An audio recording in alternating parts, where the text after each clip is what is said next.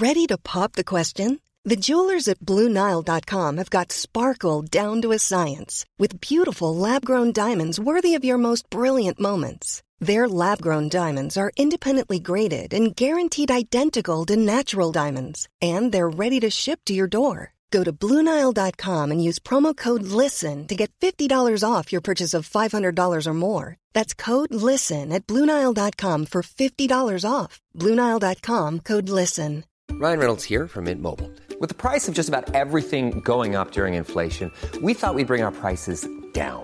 So to help us, we brought in a reverse auctioneer, which is apparently a thing. Mint Mobile unlimited premium wireless. Ready to get 30, 30, bit to get 30, bit to get 20, 20, 20, bit to get 20, 20, bit to get 15, 15, 15, 15 just 15 bucks a month. So, Give it a try at mintmobile.com slash switch. $45 upfront for three months plus taxes and fees. Promo rate for new customers for limited time. Unlimited more than 40 gigabytes per month. Slows. Full terms at mintmobile.com. Hva i all verden er egentlig desken i en avis? Og hvorfor skylder journalisten på desken når det går gærent? Ja, vi spør desken, eller BA-desken, som har alle svar. Det gjør vi, for mannen bak den fantastiske Instagram-kontoen BA-desken med flere hundre tusen følgere er vår gjest i studio i dag. Ja. Og bare for å ta det med en gang, Ken André Ottesen, som inntil nylig jobbet på desken i VG, han heter da BA-desken fordi det starta i Bergensavisen. I BA. Ja. Det er ikke sikkert alle vet dette her. Det er, Eh, som, det er ikke alle som vet at uh, VG står for Verdens Gang heller. For jeg husker jeg bomma på en prøve på barneskolen, og vi skulle, skulle liksom krysse av hver Norges største avis. Og så Ja. hadde jeg aldri hørt om Verdens Gang, så jeg valgte noe annet, jeg. men, du, men du vet at det er jo eh, De hadde en spalte før som het Verdens Gang. En, e- det var derfor jeg skjønte at VG betyr Verdensgang. For jeg forsto at det var en sammenheng der. Det er ikke en lokalavis, med andre ord. Men Bergensavisen het jo ikke Bergensavisen før heller. Nei, hva het den da? Ja, hva tror du? Bergens Hva het aviser før i tida? Arbeiderblad, ja. Riktig. Ja, nettopp. Så på et eller annet tidspunkt så skjønte jeg at det kan det ikke hete lenger. Akkurat som Dagsavisen het Eh, Arbeiderbladet. Ja, Ja. du er ikke så glad i quiz, men du er jo veldig god, da. Ja, nå, nå klarte jeg å levere. Det pleier jeg ikke på quiz, det må jeg bare si. Skal jeg ta det? Hva het Dagens Næringsliv før? Åh, måtte du nå avsløre at jeg ikke har svar på alt? Eh, næringslivsavisa? Ja, nei, det var Sjøfarten, populært ah, ja, kalt. Sjøfarten. Ja, Sjøfart og handels...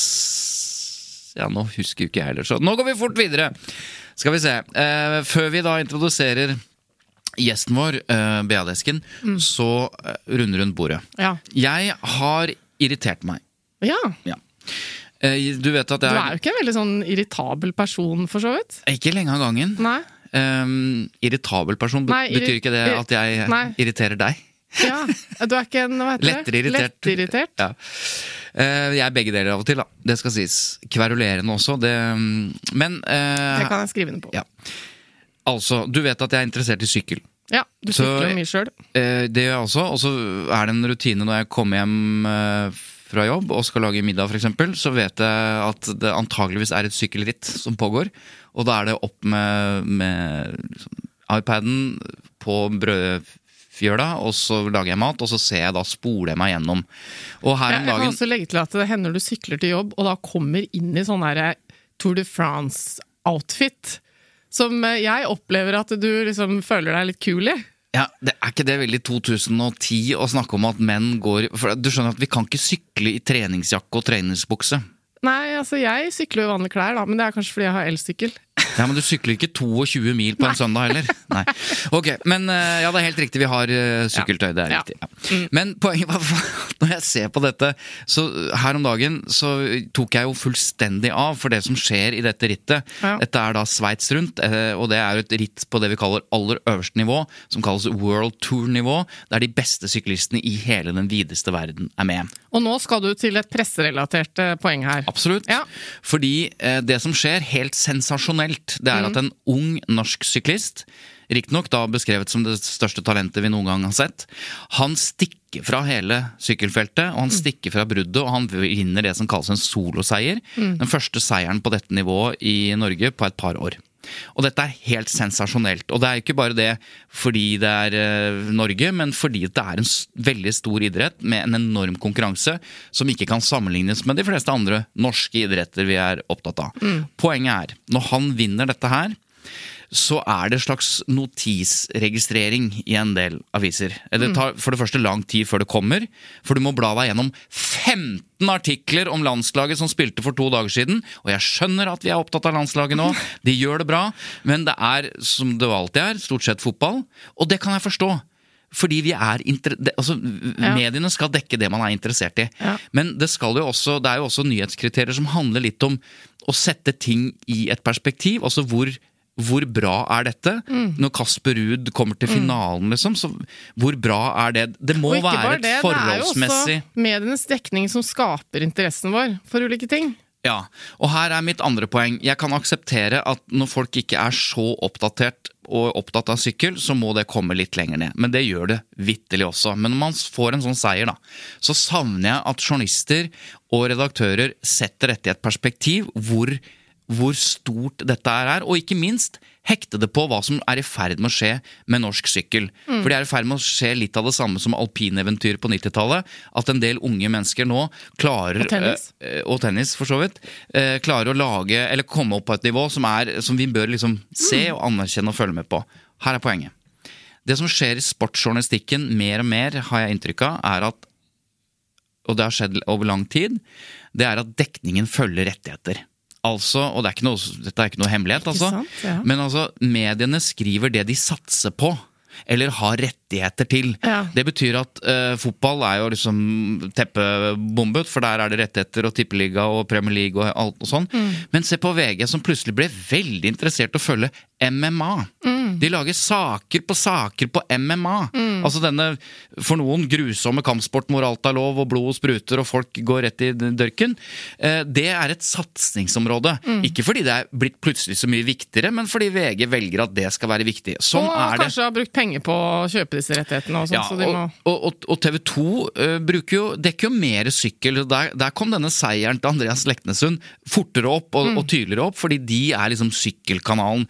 Og det Man kan jo kanskje ikke irritere seg over det, men det er allikevel verdt å merke seg at i, hvis du hadde overført dette til nyhetsjournalistikken Ja. Fordi sportsjournalistikk på sitt beste skal jo være det samme som nyhetsjournalistikk på sett og vis. De skal Mm, ja, dekke det vesentlige samme presseetiske regler. men se, se for deg at, at nyhetsjournalistikken bar preg av det samme. At hvis du bare valgte å satse på noe som du syntes var viktig, Mm. så da ble det liksom overfokusert på det. For det er vanskelig å tenke seg at man har egne rettigheter til nyhetsbegivenheter, Ja. men det Ja, nei, er i hvert fall et tankekors, da. Det er verdt å, å, å understreke da, at det er medienes privilegium å velge hva de dekker selv, for så vidt. Så det er jo ikke sånn at alle medier er pålagt å, å ha full bredde i all nyhetsdekning heller. De velger ut sine saker, men det er jo absolutt betenkelig hvis de, hvis de bare dekker ting som de kan liksom Ja, og det er- går litt inn i det på, som har nei, irritert meg også mellom f.eks. la oss si NRK og TV 2. da. At de ikke kan være rausere eh, og, ja. og, og fortelle liksom Det foregår noe jævlig viktig, men det er ikke på vår kanal, så da sier vi heller at lytt på radio. Ja, men det går jo for faen på TV! Kan du ikke bare si det, da? ja. Så har de blitt Jeg litt føler de har blitt litt flinkere der. Ja, det er rett og slett fordi de nå deler mesterskap mellom seg. Ja. Altså NRK og? TV 2. Men Ja. ok, men nok om det. Anyways. Anyways. Det er eh, på tide å introdusere gjesten vår. Ja, Ken André Ottesen, eller med, kanskje enda mer kjent som eh, BA-desken. Velkommen. Tusen takk. Veldig stas å være her. Altså, Yes. Jeg gleder meg sånn til å høre dialekt, jeg, denne episoden her. Ja, Da tenker vi på hans dialekt og ikke ditt forsøk på å imitere det. For det Ja, For det kan jeg ikke. Nei. Nei. Eh, Men, men eh, Ken André, eh, du hørte litt eh, Jeg så du satt delvis og nikka, rista på hodet. Jeg bare har lyst til å spørre deg før vi begynner med dette, siden du har jobbet i mediene like lenge som det jeg har gjort, nesten. Eh, Når jeg snakker om denne dekningen og, og irriterer meg over det, hva, hva tenker du om det? Nei, det er jo Altså, jeg tenker uh, ja, nei. Hvis det er et ord. Uh, nei, men eh, det er jo en helt klar sammenheng mellom og de forskjellige medier dekker og, og de har rettigheter til. Og det, liksom det beste eksempelet på det er vel kanskje TV 2, og når de gjorde basket Ja. til en sånn nasjonalsport i Norge omtrent. Satsa knallhardt på BLNO. Begynnelsen av 2000-tallet. Ja, da var, og da var det 4000-5000 tilskuere og sånt på, på kamper i Bergen og Eh, Og TV 2 ga dem massiv dekning, sendte kamper live, og, og det ble superpopulært. Og så mista de vel eh, rett og slett rettigheter til basket, og slutta egentlig å skrive om det. Og Eller dekke val det. valgte det bort? Jeg valgte det bort. Ja. og poff, sa det. Mm. borte var det, liksom. Um, så det er klart det fins mange eksempler på det.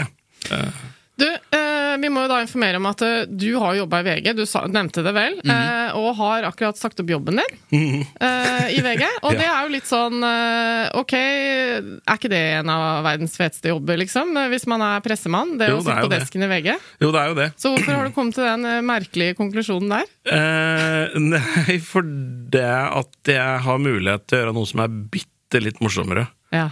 Eh, der jeg får bestemme sjøl når jeg skal jobbe, og hva jeg skal jobbe for, og jeg har ingen som sier uh, nei uh, til ideer jeg har. Og jeg har, jeg, det, er verd, det er liksom verdens beste jobb å være vaktsjef i VG. I hvert fall hvis du driver med journalistikk. Men nå måtte jeg, trengte jeg litt av pause, og så hadde jeg noe å, å gå til. Jeg er jo veldig sånn eh, opptatt av at eh, når du sier ja til en jobb, så må du ha en exit-strategi for den jobben. Det er så mange som ikke har det. De bare går, hopper inn i en jobb de har lyst på, så tenker de ikke noe på hvordan de skal komme seg ut av jobben. Og da blir folk sittende i den jobben til alle er drita lei dem. Eller eh, Jeg sier ikke at alle er drita lei med VG, altså, men, men eh, jeg ville bare komme meg ut før jeg, før jeg på en måte ble han derre litt sånn Sure. sure fyren som liksom før sa ja til alt, men nå er liksom Bra strategi. Men hva er dette som er mye gøyere, da? Hva- Fortell om hva BA-desken er, for de som ikke kjenner deg ennå. Er det noen som ikke vet hva BA-desken ja, er? er, eh, det er nok noen. Fordi du har jo ikke fem millioner følgere. Nei. Nei BA-desken er en Instagram-konto som eh, veldig kort forklart legger ut eh, de fineste, rareste og morsomste saka fra norske medier, primært uh, lokalaviser. Eh, Fire-fem poster om dagen. 350 000 følgere, 10-15 millioner klikk i uka. Eh, Og det er jo et pusterom i hverdagen, det må vi jo si. Det er jo, man får seg jo en god latter når man scroller gjennom Instagram uh, hver dag og ser et eller annet uh, artig opplegg. Fordi Fantastisk. det begynte Reklamefritt. med at man fikk litt inntrykk av Reklamefritt, ja. begynte med at man fikk litt inntrykk av at du gjorde narr av lokalaviser, men det er vel egentlig ikke det du gjør. eh, Det har endra seg litt, det inntrykket, når man har blitt kjent med deg. Jeg har ikke endra meg, men inntrykket har endra seg. Ja. For det har aldri vært meninga å gjøre narr av lokalaviser. Eh, Det er egentlig det motsatte som er poenget her. Det er å eh, vise fram den utrolig fantastiske jungelen vi har av lokalaviser i Norge. Og hvor mange de er, og hvor viktige de er. Eh, altså Vi er det landet i verden som har flest lokalaviser i forhold til innbyggere. Og det er, og det er mange grunner til det. Men en av grunnene, grunnene er jo rett og slett topografi. Altså, altså hvordan Norge er forma som land. Og det er, Hvis du ser på Norge ovenfra, så er det ikke veldig langt mellom to bygder på Vestlandet. Men midt imellom den bygda, eller de to bygdene, så er det et fjell på 1500 meter. Eller en fjord. Eller en fjord. og, og, og nyheter måtte jo folk ha, sånn at uh, da må de ha hver sin lokalavis. Og hvis jeg kan nerde bare bitte litt Ja. mer på det, så er det um, De aller fleste lokalaviser i Norge er stifta mellom 1920 og 1935. Eh, og det var en veldig viktig tid i norsk historie, fordi at da begynte folk å organisere seg. Vi fikk flere politiske partier. Uh, og det ble altså teknisk sett enklere å lage avis. Og uh, på den tida, når de første nye lokalavisene kom, da, det var jo sånn at alle aviser som var som på en måte var stifta på 1700- og 1800-tallet, og sånn, de var jo venstre- eller høyreavis. Det var de to partiene vi hadde. Ja, for Arbeiderpartiet kom ikke før eh, mye seinere. Nemlig. Og da, eh, for at de skulle få ut politikken sin, så de kunne ikke gå til eh, Adresseavisen eller Bergens Tidende og sånn. De måtte jo lage sine egne aviser for å få eh, ut dette her til folket. Ja, Derav partipressebegrepet. Derav partipressebegrepet. og da skøyt det og, det og det ser en at liksom på navnene på lokalaviser òg. Vi har noen lokalaviser med så sinnssykt sterke navn. Altså, I Kristiansund så har de Tidens Krav. Ja, Eh, og, på, og på Røros har de Arbeidets Rett. Ja. Som eksisterer fortsatt i dag. Som eksisterer fortsatt i dag. Og så har du i Narvik så har du Fremover. Eh, og, og på Gjøvik så husker vi hadde Samhold Velgeren. Uh, altså det, er så, det, er så, det er så nydelig navn, da. Og det sier noe om den perioden avisa ble stifta i. Fint. Du, uh, vi skal forte oss å legge til at uh, i sommer så skal vi ha noen sommerepisoder der du inviteres tilbake igjen, eh, Ken André, for å snakke nettopp om lokalaviser. De fantastiske historiene som finnes der. Hvordan lokalaviser leves og lages, og i det hele tatt eh, hele dette som du nå har snakket litt grann om. Ja, det gleder vi oss til. Eh, Så det skjer i, eh, I i sommer. sommer. Og så har jeg en disclaimer at hvis jeg begynner å legge om eh, altså dialekt Ja. nå Til Jevnaker-dialekt. Ja, for at eh, Ken André og jeg kommer jo fra samme fylke, eller det som i hvert fall før var et fylke, som het Oppland. Han litt lenger opp i Oppland. Ja, og for jeg du litt... er fra Raufoss. Jeg er fra Raufoss. Ja. du- Men du kan ikke lenger si at du er fra bygda? Nei, og dette her er helt forferdelig, for jeg har jo, jeg har jo liksom kjørt meg fram som sånn eh, ordentlig bygdegutt. Og for noen år siden så bare vedtok kommunestyret i Vestre Toten å søke om at Røyfoss skulle få bli by, og det blir jo du nå, Kolvereid med 1423 innbyggere. Men det er krise for ditt omdømme? Ja, eller nå er ditt jeg image? bygutt. Jeg er Ja. bygutt! Jeg er helt der, vi har en bygutt fra Raufoss, og ei byjente fra Oslo, og så er det jeg. jeg jeg. er jo fra Lørenskog, da, så det er litt sånn Ja, men Det er jo ing det er verken bygd eller by, det, vet Nei. du. Det er bare et sånt uh, område som, du, som flyter ut. Ja, ja, sånn Men jeg, ut. jeg er fortsatt fra bygda, for Jevnaker er fortsatt ei bygd. Ja. Ja. Ja, men da har vi slått fast det. Det vi skal gjøre i dag, det er å snakke litt mindre om lokalaviser, som vi skal gjøre i sommer, og mer om denne desken. Fordi det var jo der det starta. Du jobbet på desken i BA, det som før het Bergen Arbeiderblad, ref det du sa i stad, men som heter Bergensavisen i dag, BA. Eh, og så har du jobbet på desken i VG. Og kan vi ikke bare starte med det helt åpenbare, som eh, ikke er åpenbart for alle som hører på? Hva i all verden er desken? Eh, der får du nok litt forskjellige svar, avhengig av om den du spør jobber på desk eller ikke jobber på desk. Men jeg har jobba på desk i Oi eh, 20 år, i hvert fall. Noen og 20 år. Eh, og desken er, hvis jeg skulle forklare dette for noen som ikke veit hva desk er, så er desken på en måte avisas hjerne eh, og hjerte. Eh, og journalister, drar ut, journalister og fotografer drar ut på jobber og kommer tilbake med bilder og, og tekst på notatblokka si, og så skriver journalisten og fotografene sender inn bilder. Og så ender liksom Alt ender opp på desken, og så settes det sammen. Uh, og redigeres, og det sjekkes for feil, og det sjekkes for etikk. eh, Også og selve artikkelen. også, eh, ja, Ja. sjølsagt. Eh, og så formgis det, på en måte. Eh, det er der vi bestemmer ja, hva skal på førstesida, hva skal langt baki, åssen skal det se ut, eh, hva skal være oppslag, sånne ting.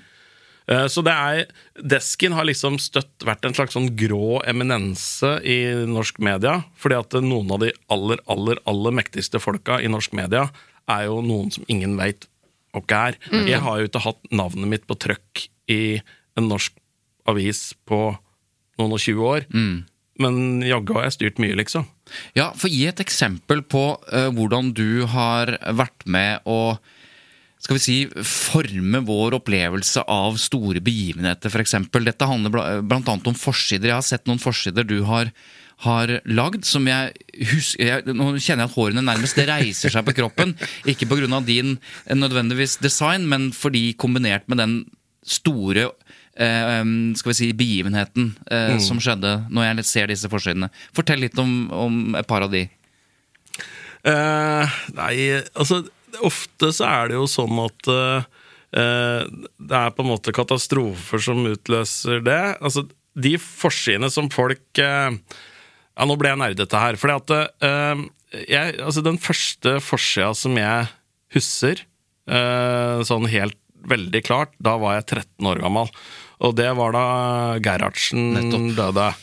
Og da gjorde VG et sånn grep uh, som var helt sånn til da uhørt i norsk presse, og det var at de minna Gerhardsen uten at de hadde bilde av fjeset hans. Det var bare eh, liksom henda, noen gamle, skrukkete hender oppå en stokk.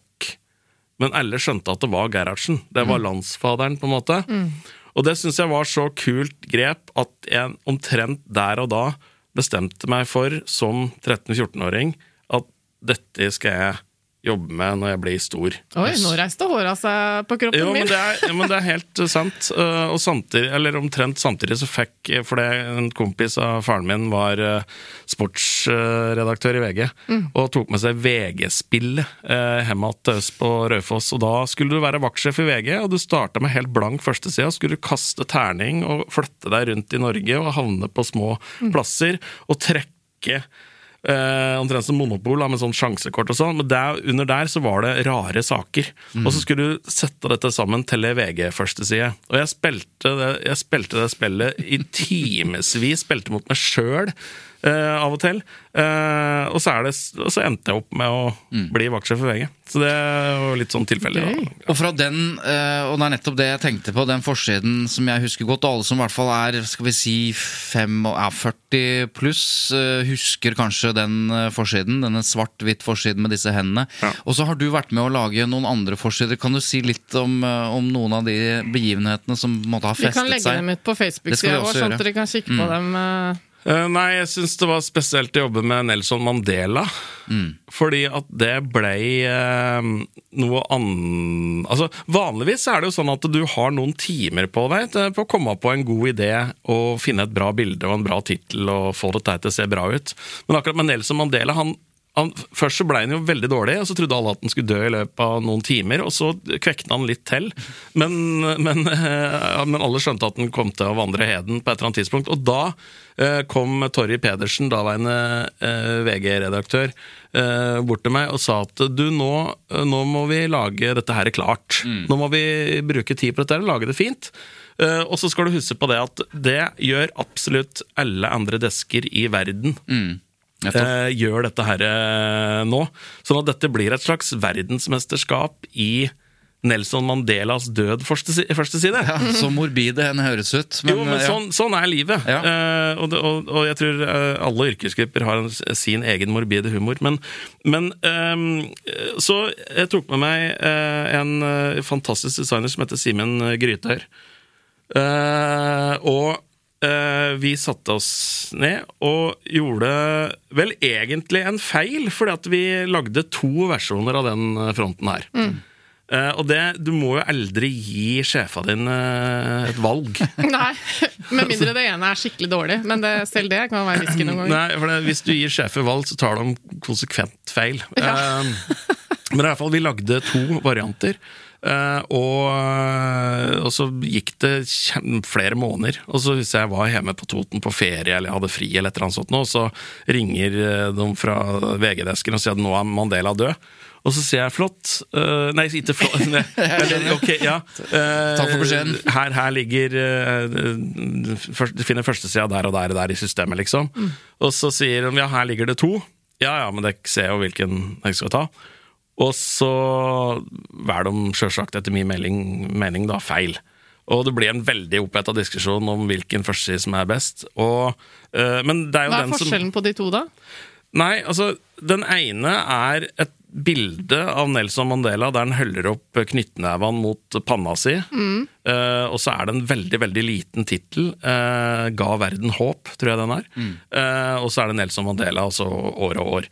Um, og den er eh, enkel, og den er, den er fin. Eh, men det var jo den andre som jeg egentlig likte aller, aller best, for der har eh, jeg gått gjennom eh, noen av de viktigste talene som Nelson Mandela holdt, og så eh, flukka jeg ut de 40-50 mest brukte orda, og så tegna Simen Tegna Nelson Mandela eh, ved hjelp Altså, hele ansiktet eh, hans er bare ord. Det er et lite kunstverk eh, som et utgjør kunstverk. et bilde av Nelson Mandela. Ja. Ja.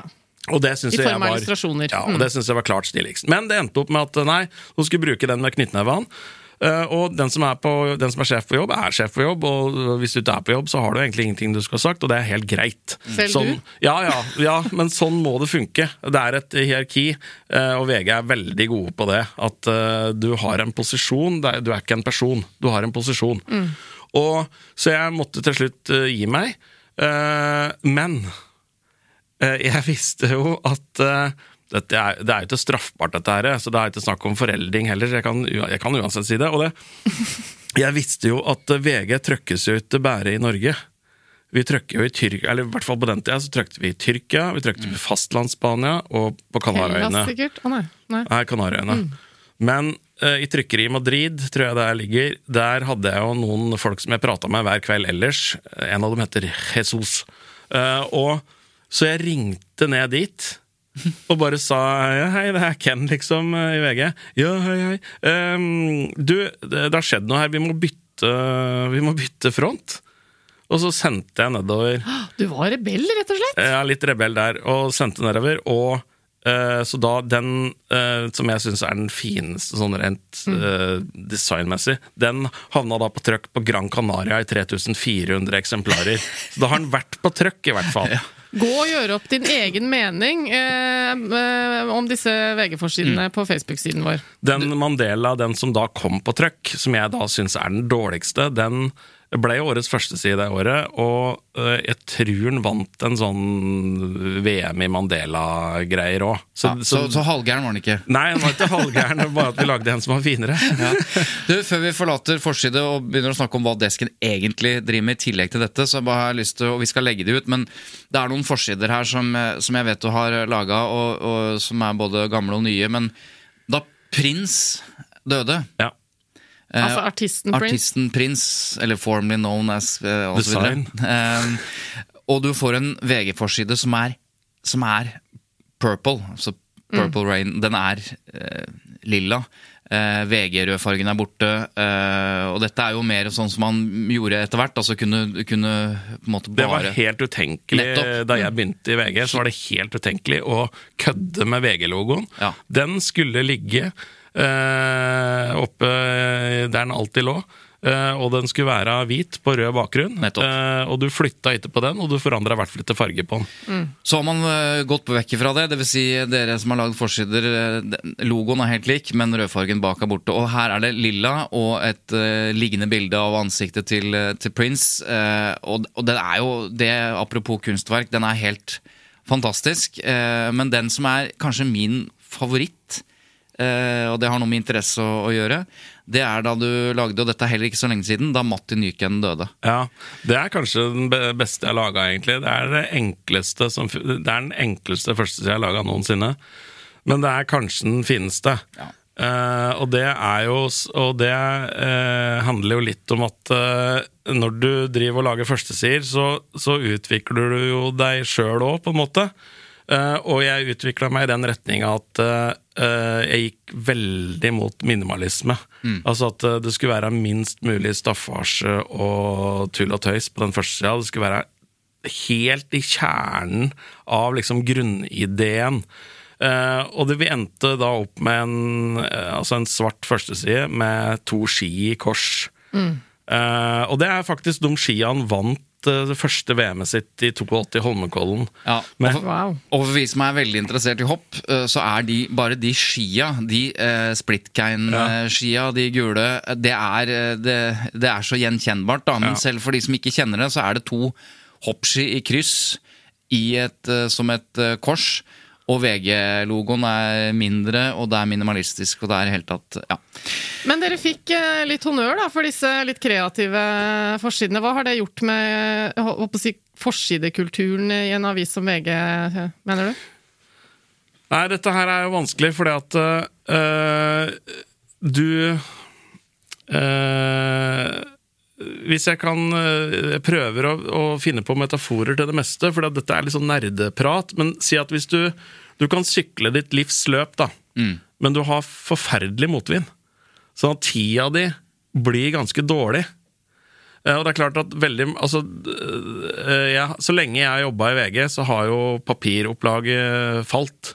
Sånn at eh, du kan lage noe som er utrolig bra, men du kan på en måte ikke kjempe mot utviklinga. Sånn at det er eh, det er så vanskelig Altså, Når papiropplaget var liksom sånn jevnt, sånn fra 95 til 2000 for eksempel, da, eller eh, fra 90 til 95 for så vidt, så var det enklere å se om det du gjorde, faktisk funka. Men nå er det sånn eh, Å ja, vi solgte 1000 færre aviser Ja, fordi vi hadde bra forside, men vi kunne kanskje ha solgt 3000 færre hvis den var dårlig. Altså Det er umulig å regne ut hvor bra det egentlig er. Og det tror jeg på en måte har gått litt utover ehm, Og det er mye vanskeligere å måle. Eh, altså, eh, nett i dag så kan de jo måle Altså, de måler eh, hvor, hvor mange som er inne på saken, hvor de trykker for å komme inn på saken. Trykker de på bildet, eller trykker de på tittelen? Hvis de trykker på Det så er så er noe som går tapt når det blir så mye Jo, men så, og sånn Ja. er det umulig å gjøre med avisforsider, og da blir det mye 'jeg tror' Ja. og 'jeg mener', i stedet for at 'jeg veit'. Og det, ble- da ble det en litt sånn saying at uh, helt sånn rein førsteside, litt sånn archy-fancy greier, det var fint å se på, men det solgte ikke aviser. Eh, og så er det noe som er liksom vanskelig å motbevise. Og eh, 1000 likes på Facebook uh, gitt noe klingende mynt i kassa. Eh, sånn at det ble sjeldnere og sjeldnere at vi på en måte At vi på en måte fikk muligheten til å blåse én sak på hele fronten. da det har jo vært veldig vanlig i England i alle år at de i hvert fall har maks to saker på den fronten. Men i Norge så har det vært veldig uvanlig. Eh, men det er, Jeg er jo en veldig forkjemper for det, men det er jo mer fordi at jeg er en uh, liten egotass og vil ha mest mulig plass å boltre meg på og sånn. Men, uh, men business er det ikke, kanskje. Men dette sier meg noe om at uh, du savner litt lekenhet og kreativitet. Uh, fortell litt om, om det. Uh, det var jo en periode Og dette her er vel ti Ja, 10-12-13 år siden, så fikk mange i norsk media det for seg at nå hadde det sklidd ut litt. Det var litt mye tull og tøys, og det var litt mye stunting. Og, Useriøst. Ja, det, det som ble på en måte stempla som litt useriøst, det var eh, det var noe tull. VG hadde jo ei førsteside der de hadde delt førstesida i to. Det ene var jo at eh, Gro Harlem Brundtland under en tale en eller annen plass hadde drukket blomstervann, for det sto en sånn vase på scenen, som noen hadde tatt ut blomster, og så endte opp med å drikke blomstervann når hun ble tørst. Akkurat som eh, hovmesteren i 'Grevinnen og hovmesteren'. Yes. Eh, og den andre delen av første sida var ei ku som hoppa på ski. Uh, og da var det noen som tenkte at uh, nei, nå må vi bli mer seriøse. Og da, det var jo omtrent da disse her papirtallene begynte å falle litt òg. Og da var det noen som fant Ja, men det er sikkert fordi vi ikke er seriøse nok, og folk eh, vil at vi skal bli mer seriøse. Og da skrudde norske avisredaksjoner litt att den der eh, Mm. Eh, og, og noen skrudde den helt att. Eh, og, og slik sto den i ganske mange år. Og så, når de skulle skru den opp igjen, så hadde de kasta verktøyet. Eller verktøyet hadde slutta eh, ofte. Eh, sånn at de fikk ikke opp igjen. Den krana hadde rusta fast, den. Det var ingen som jobba der lenger, som hadde noe interesse av å være artig. For de, de som hadde interesse av det, hadde jo slutta og begynt med andre ting. Eh, sånn at det ble en sånn tung eh, motbakke å prøve å få opp igjen litt sånn artigpåsa-tendenser. Og, og litt sånn cowboy-vill-greier. Eh, eh, og Men hvorfor er det viktig? Å være artig og, og hatten på snei og cowboy og For det at eh, det er en del av livet, og hvis du skal lage et godt avisprodukt, så må du eh, klare å eh, alle følelser vi eh, mennesker har. Når du er ferdig med jeg mener at når du er ferdig med en avis Nå prater vi gammeldags, nå prater vi avis, da, men jeg mener dette er om nett, nettprodukt òg. Altså. Når du har scrolla deg ned, da, helt ned VG f.eks., så skal du uh, ha blitt glad. Du skal ha blitt sint. uh, Du skal ha blitt lei deg. uh, Du skal ha lært noe. Eh, Og så skal du ha ledd litt. Altså, du må Altså, det å le er jo utrolig viktig eh, for folk. Eh, og hvis du eh, liksom leverer et helt produkt uten i hele tatt å ha prøvd å få folk til å glise og le, da har du ikke gjort jobben din. Så opp av asken eh, eh, på denne gravplassen for artige innslag i avisa, så kom da BA-desken. Er det riktig oppsummert? Um, uh, i- ja, Altså Instagram-kontoen ja, BA-desken? Ja, Uh, det er i hvert fall altså, Det er ikke mye jeg skal ta på meg æren for i norsk media, men at BA-desken har vært med på å gjøre det enklere for lokalavisjournalister å skrive disse her litt rare, morsomme, fine saka, Mm. det tror jeg ikke det er mye tvil om. Så kan man jo si at, eh, at vi har jo vært opptatt av at eh, journalister må bli bedre, hele tiden bli bedre, spesielt på dette med etikk. Eh, og ikke da konkrete fellelser på 414 om eh, samtidig imøtegåelse, men f.eks. har en kjepphest for meg vært at journalister er for sløve når de henvender seg til kilder eller intervjuobjekter. De klarer ikke å forklare hva de skal, hva de skal snakke om, eh, hva det skal bli til osv. Altså, at man ikke tar seriøst nok det forholdet til kilder, eh, og kanskje de, de kildene som ikke er så erfarne. Det er ett et punkt, f.eks. Rett og slett fordi det å være i avisa er kjempealvorlig, for et vanlig menneske. Så det sluttproduktet har jo ekstremt mye å si eh, Poenget når man er at, ser det på trykk. Ikke sant? Ja. Men poenget er at Det har vi vært opptatt av. Og så kan man jo tenke at det å få stadig bedre medier og journalister og presse, og hvor etikken hele tiden må stå i sentrum, at det er en slags kontrast til dette cowboygreiene og morogreiene du snakker om. Men, men så har jeg kanskje inntrykk av at så enkelt er det ikke eh, at, at man må kvitte seg med det som ble kalt useriøs for å bli opptre seriøst. Nei, altså, ja, ja, det fins jo intelligent og uintelligent humor. Eh, og det er den intelligente humoren du vil servere leserne dine. Og det, som alt annet, så må jo det øves på. Uh, og er, folk sender jo redaksjonene sine på etikkurs uh, all mass. Uh, og det er kjempefokus på lange graveprosjekter og eh, den såkalte seriøse journalistikken. Og det er kjempebra at vi har det. Det har blitt et eh, løft. Eh, altså VG definitivt har bidratt til å løfte gravejournalistikken i Norge til helt nye høyder, og- det er kjempefint. Men det er ingen det er ikke sånn at hvis du får lesere til å le litt med en morsom bildetekst eller en morsom tittel, så ødelegger ikke det ryktet ditt. Det er ingen som hater deg fordi du fikk dem til å le. Det er jo motsatt. Folk Men- liker jo folk som får dem til å le. Man får sånn inntrykk av at det, det som er igjen av det du beskriver nå, det er liksom på notisplass i avisene nå. Er, stemmer det? Ja, knapt nok, vil jeg da si. Men der kan man liksom humre litt noen ganger i sånne spalter hvor de er sånn 'dette har blitt sagt' og sånn småting. For at akkurat som der er det lov å tøyse litt mer. Det er jo, altså Notisen har jo fått en slags eh, revival, som vi sier på Toten, eh, etter at eh, vi fikk internett. fordi at eh, i gamle dager, når du var journalist og det ikke var internett, så blei jo den saken du skrev, blei maks lest av alle som abonnerte og kjøpte avisa. Det var liksom ikke noe Du kunne, du kunne ikke gå noe videre enn det. Uh, mens i dag, hvis du skriver en veldig artig uh, notis, så kan det bli den mest leste saken i Norge den dagen. Ja, det kan jo det. Ja, for det spres viralt, da. Ja. nettopp. Og enda godt at vi har det. Men det vi eh, Altså, nå har vi eh, det, eh, holdt på å snakke om forsider og, og Papiravis. Og papiravis. Men vi har fortsatt ikke fått svar på hva er det denne desken gjør. Og for å få svar på det, så tenker jeg, kan vi ikke først si litt om hva desken var før?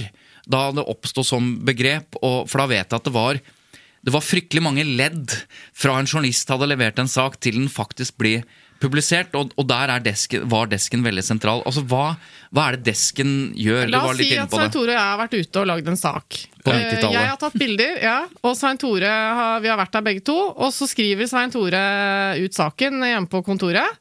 Og så leverer vi da et utvalg av mine bilder og Svein Tores tekst til deg. Er det sånn det foregikk før? Eh, ja. Uh, uh, det hendte jo at folk leverte manus på papir. Men jeg er jo ikke så gammel, da. Så jeg, jeg, da, da jeg begynte, så hadde vi data. Og da skriver du saken din, og så sender, sender du den inn til en slags sentralbank i avisa. Og den sentralbanken har jo vaktsjef og de redigerere øh, som sitter på desken, tilgang til. Og så er det sånn stort sett på forhånd bestemt hvor ting skal være i avisa, hvor viktige ting er. Og så tar du bare opp den saken eh, som skal på side seks og sju, f.eks. Og så ser du på bildeutvalget, eh, og så ser du på teksta, eh, og så lager du stort sett en ny tittel og en ny gness, for det er journalister ganske dårlige på. Eh, det jo Ja, for de leverer forslag, og så blir det stort sett skrota. Og så klager de hvis du gjør Altså, de, de klager hvis de syns det er dårligere, men de nevner det aldri hvis det blir bedre, og det blir stort sett veldig mye bedre. Men så lenge det blir bedre, så kan de på en måte ta æren for det sjøl, for å være litt stygg. Eh, så det, da blir det aldri, aldri nevnt. Men hvis det blir gjort en feil, så er det desken sin eh, feil. Og eh, i gamle dager så var jo eh, deska rundt omkring veldig store. Altså Da jeg begynte i VG, så hadde desken i VG en egen etasje i VG-huset. Det var i sjuende etasje, og der var det bæredesk. Og da var vi fort en 30-40-50 stykker på desken. Men hva gjorde alle disse folka? Altså Hvis jeg spoler 20 år tilbake, så var mitt bilde av den etasjen Det var en haug med folk som var gode til å lage snappy titler, og, og som ikke tenkte så veldig på de som var omtalt i sakene. Det var om å gjøre å bare liksom lage noe klikk og store ord og liksom vinkle det veldig, følte jeg. Det var desken. Ja, vinkling, altså vinkle saken, uh, som gjør at folk leser den, er jo ekstremt viktig. Det er jo litt som å altså, si hvis du driver en bilfabrikk, så er det journalistene og fotografene gjør, er på en måte å sette sammen den her bilen, men det desken gjør, er å lakke den uh, i den mest innbydende fargen kunden kan tenke seg, sånn at kunden gidder å kjøpe den.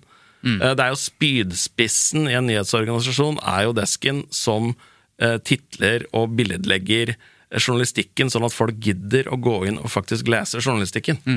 Men før var det mange ledd som var inne på Det var jo blant annet altså Du har jo fortalt eh, tidligere at eh, da du begynte i lokalavisa, så var det norsklærere på desken. Altså, det var Det var som pensjonerte norsklærere som var korrekturlesere. Ja. Så at når du hadde på en måte laga altså, eh, Jeg mener å ha hørt at eh, det på et eller annet tidspunkt var åtte ledd mellom journalist og leser i VG. Uh, og i lokalavisa uh, mi så var det i hvert fall fem-seks ledd. Og det siste leddet før det liksom gikk til leseren, da gikk eh, hele, da printa vi ut hele sider, og så leverte vi inn på et rom der det satt pensjonerte norsklærere med rettepenn, og uh, liksom gikk gjennom. Og så fikk vi det tilbake med alle rettinger, og så retta vi det, og så gikk det til trykkeri. Men det har man ikke det hold, Man holder seg de, jo ikke med korrekt... deres idol var vel Per Egil Hegge, da. Ja, eh, Som var sånn eh, norsk eh, Altså hadde Ja. sånn spalte i Aftenposten om Ja. eh, feil og rettskrivning i avisa. ja, og det var jo veldig mye mindre feil før. Eh, og det er jo òg altså, nett eh, kontra papir. at hvis du har gjort en feil på papir, så er den der til evig tid. Mm. det går ikke an å rette det. Og da tror jeg at du skjerper deg litt mer. Mens nå gjør du en feil på nettet, så Ja. kan du rette den opp i løpet av et minutt. Og så havner den egentlig kun på BD-esken, fordi noen har screenshotta dette her eh, før du rakk å rette det. Det skjer hele tida. Eh, men det er liksom ikke verdens undergang. Men jeg, jeg husker jo Kommer i loggen, da. I de avisene som er flinke til å logge alle rettelser. Ja. Ja. Men jeg husker jo jeg, eh, var på jobb i Nei, jeg, jobb, jeg var ikke på den jobben, men jeg jobba i Oppland Arbeiderblad, og så var det ei dame som hadde uh, vært bestyrer på et sykehjem i 50 år. Uh, helt sinnssyk sak, egentlig. Og, og både Oppland Arbeiderblad og Samhold Velgeren var på den saken for å intervjue Svanhild eller Borghild eller hva. Samhold velgeren. Samhold velgeren. eh, og, og i Oppland Arbeiderblad så kom tittelen 'Svanhild har stått for driten ved Vådsland sykehjem i 50 år', istedenfor driften. Så sto det 'driten' i, i tittelen. Og i Samhold så sto det 'Ordføreren fucket opp med en blomsterkvast', og det skulle være dukket opp. Så det ble liksom Vi kunne ikke klippe ut noen av avisa henge på veggen, for det, det var feil, da. Men eh, ja. Og de blir, eh, blir som sagt værende. Men eh, før var det åtte eller fem, seks, sju, åtte ledd. Eh, hvor mange ledd altså, er det i dag? Altså, ting går jo forferdelig fort. Eh, fra, det, fra en journalist har hentet inn en eller annen sak, skrevet en sak, kommentar, til det publiseres på nett. Med de mulighetene til å rette og oppdatere osv. Men hvor fort går det egentlig i dag på desken? Ja, I dag går det ekstremt fort, for øh, det du på en måte blir målt av uh, av lesere, er jo hvor hurtig du er. Og det er jo hvis du som leser opplever at altså hvis du har, Nå har jo folk push-varsler på mobilen sin, og du har kanskje push-varsel fra NRK, ja, VG, jeg har det. Mm. Dagblad, TV 2. Men hvis du opplever at Dagblad er sist på hver eneste push, så kan du jo kutte dem, da. For da har du, da har du lest den, den nyheten hos tre andre, så da er dum ute, sant? Så opplever du at TV 2 er nummer tre på hver eneste push, ja, da kutter du dem. Så opplever du at VG slår jo NRK i eh, sju av ti pusher. Ja, da tar du vekk NRK, og så sitter du igjen med den som er raskest med å få ut nyheten.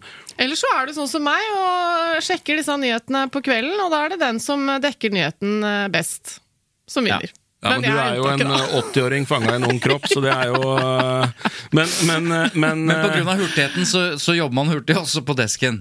Og man jobber hurtig på desken, men det er klart at hvis du skal eh, få ut en nyhet fortest mulig, så vil jo hvert eneste ledd sinke dette her.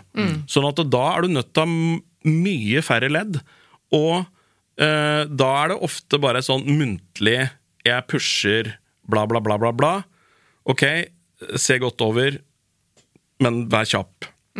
Og det er klart, eh, å være nøyaktig og være rask, det er liksom ikke komparativer. Eh, for da blir det ofte feil. Kan man ikke ha noen roboter som eh, hjelper til her, da? Ja, hva skal de robotene gjøre? Rettskrivning og sånn? Jo, ja, ja, men, det, men eh, det er jo ofte sånn at uh, Veit roboten om du mener at eh, det Ja, ja, er jeg brann, eller om det er sportsklubben det er Brann med stor B. etikk også, jeg skjønner. Mm. Eh, sånn at det blir Det er jo ofte feil i disse her pusha. Det, altså, noen ganger så pushes det for tidlig, eh, og noen ganger så er det feil i navn, og, det må, og rettelse får du masse push-rettelse, liksom. Um, og det sier jo et eller annet om at da er det viktigere å vinne den nyhetskampen på tid enn det er å på en måte, vinne den på å være Ja. nøyaktig og korrekt. Hva tenker du om det? Jeg tenker at det er sånn utviklinga er. Uh, og da, og, og jeg, for jeg, jeg, har, jeg har bestemt meg veldig, i veldig ung alder at jeg skulle aldri bli han fyren som satt og sa at alt var bedre før. Eh, og jeg kjenner en del sånne folk som sitter og sier at Du bedre. Du sier det ikke, men jeg føler at det ligger mellom linjene her allikevel. nei, nei. nei, nei, nei, nei. Uh, uh, og det er sånn, for det, det er en del folk som sier at alt var bedre før, og jeg har en egen teknikk for å takle sånne folk. Og det er at Jeg lar dem si det ti ganger, Ja. og så blir jeg lei. Og så sier jeg at du, nå må du høre her. Det er nesten ingenting som var bedre før. Altså Nesten alt i samfunnet har blitt bedre enn det det var før. Men du, du var bedre før. Men bare for å avslutte Kan jeg den få komme ja. med en eh, litt morsom historie? Ikke Ja. helt samme, for det var jo ikke en push-varsel fra en redaksjon, men det var da vi var på Scoop-konferansen, som lytterne våre kjenner godt til, for vi har hørt mye om den. Så kom det jo en tekstmelding med litt sånn informasjon til alle deltakerne. Da sto det de som har en svart pikk på, eh, på adgangskortet sitt, de skal sitte inne i hovedsalen. Og de som ikke har det, skal sitte i det andre rommet. Det manglet en R, Ja. en prikk, en pikk. Men det er jo også fordi det går litt fort, da. Går og, og de ikke har disse pensjonerte norsklærerne som leser. Men, men det betyr at fra åtte til fem til fire til tre så kan det vi oppleve i dagens hurtigarbeidende mediesamfunn at det nærmest ikke er et kontrolledd før ting publiseres, har jeg Nei, du kan nok eh, oppleve det. Og, og, men de, da skal jo det sies at de journalister som sitter på disse her realtidsdeska, som det heter nå, da, som på en måte sitter og bærer jakter uh, hurtige nyheter, at de er stødige og flinke. Sånn at, eh, og de blir på en måte litt sine egne redaktører. Det fins jo nyhetssjefer som på en måte sitter der og passer på og sånn, men eh, altså eh, journalistikk er også tillitsbasert, og, og et liv i en redaksjon er, er stort sett basert på tillit.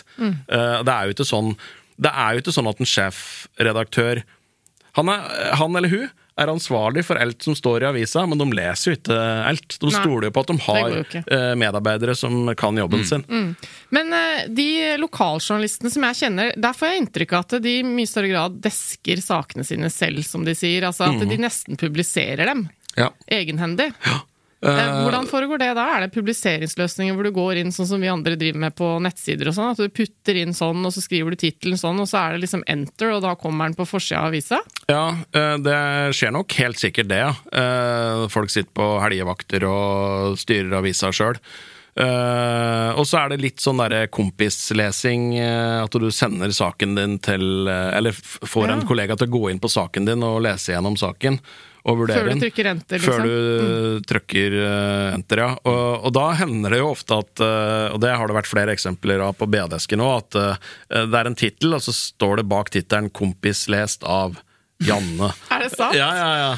Det er gøy. Eh, For da har det noen som har glemt å, å kutte det, da, ikke sant? Sånn at eh, det, det skjer. Men du, dette, det, denne myten om at uh, journalister som har vært ute Jeg har intervjuet et uh, intervjuobjekt som er veldig opptatt av hvordan dette fremstår i media. Altså det vi snakket litt om før. Noen er jo i avisa en gang i livet, eller det kan være en krise i livet. Det kan være ekstremt viktig på hvordan ordene er, hvordan det fremstår, hvilke bilder er brukt.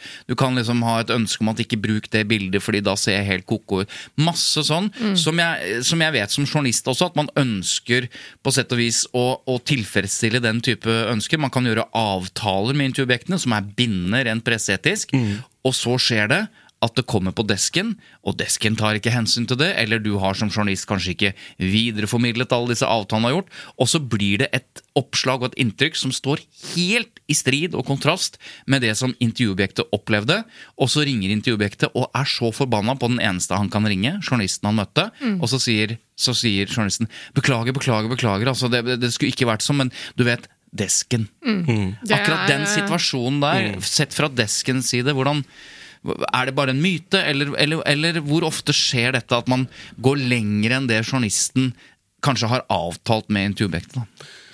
Eh, nei, altså Åh, dette her blir eh, det må jeg, Nå må jeg tenke meg om, fordi at uh, Dette igjen, da. Mm. Uh, hvis du stiller dette her spørsmålet til en som har jobba veldig lenge på desk, så vil jo jeg skyte tilbake at, Ja, og og, si- si at eh, eh, journalister skylder på desken når noe blir gærent. De roser aldri desken når noe blir riktig. Ikke sant? Fordi at eh, da er det, de, da, det er jo deres navn som står der. Ja. Eh, og det er jo litt sånn Jeg har jo jobba veldig lenge på desk, og jeg har òg vært sjef på desk eh, og ansatt folk på desk. Og det første jeg spør folk som har lyst til å jobbe på desk, eh, er jo Er du glad i bylinen din? Er det liksom viktig for Og deg? byline er da navnetrekket på Ja. Ja. Er du glad i det? Betyr det mye for deg? Ja, det gjør det. Ja, da kan ikke du jobbe desk. For din jobb er å gjøre andre bedre. Altså, du, din jobb er å sitte helt usynlig, anonym for lesere her, på denne stolen her, og få disse her journalistene til å skinne.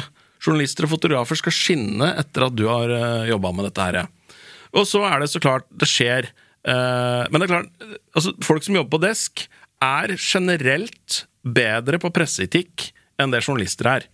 Fordi de tar flere vurderinger. Eh, journalister er ute og henter inn informasjon. Eh, desken publiserer informasjon. Eh, sånn at vi, og så forholder vi oss til litt forskjellige eh, deler av Vær varsom-plakaten. Eh, eh, vi er på firetallet, mens journalistene er på tretallet på disse punkta. Eh, uh, og Og bare tre for å si det, Kapittel tre handler jo da om hvordan man uh, Innhenter innhenter informasjon. og Ja. Mens fire handler om publisering, og da er det desken eksempel sier at hei, hei, hva med 414 her? Det, du må jo hente inn en samtidig imøtegåelse her, for her er det sterke angrep. Ja. Eh, og, men det hender jo Sjølsagt hender det at eh, man strekker saken for langt i sin iver på å gjøre saken mer spennende, og for eksempel da setter på trykk en tittel det egentlig ikke er dekning for. Ja, og det er jo en regel i etikkplakaten. Ja. At det skal være dekning i saken for det som står på tittelen eller forsiden. Mm. Og det som er litt, eh, litt av årsaken til det her, tror jeg, eh, det er at eh, Jeg har vært inne på at vi er sånne grå eminenser på disse deska. Vi møter jo aldri intervjuobjekta. Vi gjør jo ikke det. Nei. Journalistene gjør jo det. Sånn at eh, jeg tror det gjør oss Og det må vi kanskje være òg, men det har gjort oss litt uh, mer eh, hjerteløse. Uh, fordi at vi trenger ikke å se disse her folka i øynene etterpå Så vi, har- vi har hjerte, men det er veldig, veldig lite å Det er hjerte for saken. Svart smelt, er hjerte for saken. Ja, ja, ja. Jeg har bare et lite oppfølgingsspørsmål til det. Eh, med tanke på utviklingen eh, mot mer me- nettjournalistikk, Mm. så er det jo nå sånn at eh, veldig mye saker ligger bak betalingsmur. Mm. Eh, eller vi liker jo ikke det begrepet, da, men det ligger bak abonnementsløsning. En mulighets, eh, betalingsmulighet, pleier jeg å kalle det. Ja. Ja. Og ergo så har det endret seg litt, dette her med at eh, en som har ansvaret for å deske saken, vil jo gjerne vinkle det litt, eh, hente ut det mest interessante for å skape interesse og klikke, ikke sant? Det, det skjønner vi. Men noen ganger så kan det være sånn at den er så hardt vinkla, og så er det ganske mange av de som ser den hardt vinkla eh, forsidetittelen, som ikke kommer inn Og, i saken. og ingressen, kanskje. Litt ja, informasjon. fordi de ikke er abonnenter. Så leser hva de har endra seg da etisk? Liksom? Er Du, det der har jeg et fantastisk eksempel, fordi at, eh, og det er et eksempel jeg fikk her om dagen som jeg bare tenkte Oi, dette her var veldig morsomt, men det er, det er ikke noe jeg kan publisere på BA-desken. Og det er en sak fra eh, Thea, altså Telemarksavisa. Ja. Eller er- Telemark Arbeiderblad, som det het før det. Ja, det, det gjorde det. Eh, og dette her er da eh, Og dette er en plussak. sånn at eh, hvis du bare ser denne her på nettet, så hvis du ikke er abonnent, så må du kjøpe deg tilgang. Og det er det jo få som gjør, det må vi være ærlige om. Og, og dette er, det er bilde av ei dame og en, og en hund. Uh, bilde av ei dame og en hund. Og så står det 'uten dette i forholdet kan det gå galt'. Selv om det i perioder er lite sex, så er det mange andre måter å gi nærhet på. og, og det er klart at eh, da, du, du, du, du sitter jo igjen med et inntrykk av at uh, du skjønner jo at hun dama her ikke har sex med bikkja si, men Men du ser det for deg. du, ja, ja, men, det er, men det, er, det er faktisk det som liksom bildet og tittelen indi- Ja. er liksom Ja, Ja. ikke sant. Hvorfor kan du ikke publisere den på BA-disken? Nei, for det du føler at du, du henger ut eh, Ja, men jeg, men jeg er også en slags Jeg føler meg som en slags redaktør. Altså, Thea kan gjøre det der, og jeg syns ikke de bør gjøre det. Jeg syns det er dumt gjort, men det når 20 000 folk, da. Ja. Men hvis jeg gjør det der, og, og da når du plutselig en million og da er det liksom, da er det litt verre. Mm. Eh, og, og, og jeg tar mine selvstendige vurderinger om jeg syns dette her er innafor eller ei. Og det Mm. er utrolig mye som aldri havner på B-desken pga. det. Ken André Ottesen, eh, det har vært en fornøyelse å ha deg eh, i studio. Og, Derfor er det så fornøyelig å invitere deg tilbake til sommerepisodene, hvor vi skal gå virkelig inn i BA-deskens eh, finurlige og vidunderlige verden av lokalavissider. Svarte sjeleliv. først og fremst lokalaviser. Um, men vi må på tampen av denne episoden også ha med oss lyttespørsmål, Eva. Eh, og da må du gjerne sitte. Det kan hende du får lyst til å svare på dette lyttespørsmålet eller bidra, eh, Ken. Ja, for det handler om VG. ja, det Ja. gjør det, ja. Takk for interessant podkast, skriver denne lytteren. VG har fått mye, i parentes velfortjent tyn, for sin sak om kunnskapsministerens vits om den kongelige forlovelsen. Veldig mye oppmerksomhet rundt om denne egentlig er en ikke-sak. Men ikke så mye diskusjon om at VG i denne saken valgte å bruke anonyme kilder fordi de var redde for å bli stigmatisert. Er ikke det i strid med Vær varsom-plakatens punkt 3.1? Hvordan kan VG rettferdiggjøre at kildene her er anonyme? Saken er altså at eh, det var en samling på sommerfest hos Civita. Nei, Agenda. Agenda var det kanskje, ja. En tenketank, i hvert fall. En tenketank. Og hvor eh, kunnskapsministeren eh, Tonje Brenna var eh, gjest og holdt en sånn uformell tale. Og så eh, hadde hun en vits som man selvfølgelig kan ha ulike meninger om var morsom eller ikke. Hvor hun sa noe sånt som at eh, eh, nå, eh, i forbindelse med denne forlovelsen da, at eh, nå, Durek er en sjaman. Det gjør det da at uh, prinsessen får tittelen heks. Noe sånt. I, noe i den duren. Ja, Det var nok en timinggreie her som vi ikke fikk med akkurat i gjenfortellingen. Fordi Men det var, når men det man hører noe muntlig og skjønner konteksten, så Ja. var det antageligvis morsomt. Det er det i hvert fall mange som har sagt i ettertid. Mens når du leser det, så virker det bare platt. Og så videre. Men greia var jo bare at VG lagde en stor sak om det. Og man fikk litt følelsen av på den første saken at de var ute etter å skape en liten skandale om at dette burde vel ikke kunnskapsministeren gjøre. Det Fordi- følte i hvert fall jeg. Ja, fordi noen hadde reagert Ja. uh, på denne festen uh, og påpekt at jo, men Tonje Brenna sitter jo ved kongens bord. Altså i den forstand Ja. at hun er statsråd, og statsråden sitter ved kongens bord. Og så har hun nettopp ja. kalt datteren for kongen for en heks! Ja. Og det Og, men også var dette tipset anonymt. Og i, i varselplakaten så er det jo veldig strenge regler om at uh, anonyme kilder skal kun brukes der det er en god grunn for å holde kilden anonym. Ikke sant? Ja, hva, så da er spørsmålet fra lytteren er om eh, egentlig det er eh, i strid med Hva var som-plakaten. Ja, på en måte.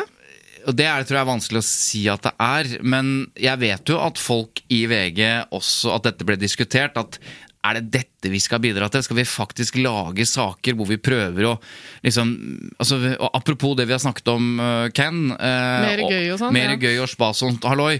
Altså, hvis du ikke kan slå av en vits fordi det kan være noen som uh, rapporterer dette til VG som statsråd, da vil jeg påstå at da får vi, en, om det er mulig, enda kjedeligere politikere og enda kjedeligere statsråder. Hvis Ja. ikke og da, og, men, men VG kan jo bare si eh, vi bare viderebringer en sak. Det er Ja. folk som reagerte. Kan, Dette er relevant. Man kan finne en eller annen grunn til i både presseetikken og eh, skal vi si en nyhetskriteriet da, at dette er faktisk en sak. Mm. Men det var vel så vidt jeg vet bare VG som lagde sak på det. Men, Hva ja. tenker du, Ken André? Har du, Jeg har- har du slutta i? VG. Ja, jeg har slutta i VG, og derfor så har jeg veldig lite lyst til å uttale meg òg. Men, Å, jeg kan si- Nei, ja, da, men jeg kan si altså, Det er ikke noe problem altså, det, Kildebruken her er jo null problem, fordi at det, eh, VG fikk jo bekrefta at dette her faktisk blei sagt. Mm. Eh, Det hadde vært et problem hvis det hadde vært et rom med tre personer. Og noen hadde sniklytta på hva som hadde altså, Mm. at, at det ble faktisk bestridt at det blei sagt. Da kunne det vært et problem med en anonym kilde. Men så lenge altså Det er omtrent som noen ringer inn 'Hei, du, det brenner på. Sankthanshaugen'. Og da reiser VG ut, og så brenner det på Sankthanshaugen. Da er det jo ikke noe problem at den som har ringt inn det tipset, er anonym. Nei, for her må vi skille mellom det som er et tips anonymt, og det som er anonyme kilder. Og hvis Til informasjon, liksom. Ja, for hvis en anonym kilde hadde sagt veldig mye om dette, at han satt på dette Kommet bordet, anklage, eller- opplevde dette, mener at dette er veldig problematisk at Tonje Brenna gjør dette her, for hun er statsråd Hvis man hadde sitert en kilde på den måten, så kan vi begynne å snakke om at det er der eh, presseetikken eh, liksom da, Hvis man skal bruke en kilde og uttalelser og påstander og beskyldninger, da er det ingen grunn til at denne kilden skulle vært anonym. Nei. Men dette var et anonymt tips om noe som skjedde. Ja. Men som et generell grunnlag så kan jeg si at eh, det er veldig dumt hvis eh, statsråder ikke skal få lov til å slå av en vits eller en spøk. Altså jeg, nå jobber jeg som komiker, og jeg skal love deg at absolutt alle vitser jeg, eh, eller morsomme ting jeg publiserer på BD-esken, eh, får en eller annen sur reaksjon.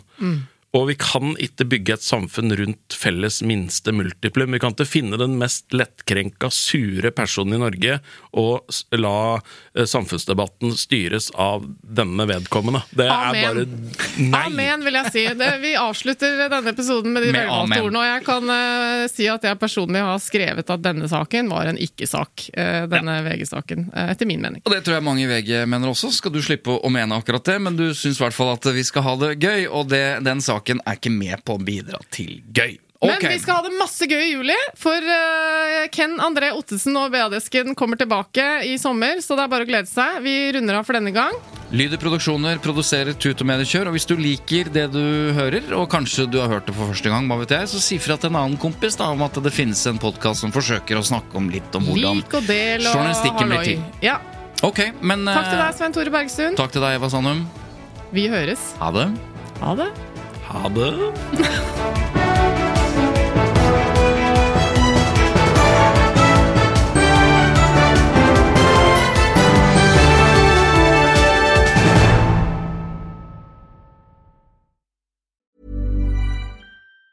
Normally, being a little extra can be a bit much, but when it comes to healthcare, it pays to be extra.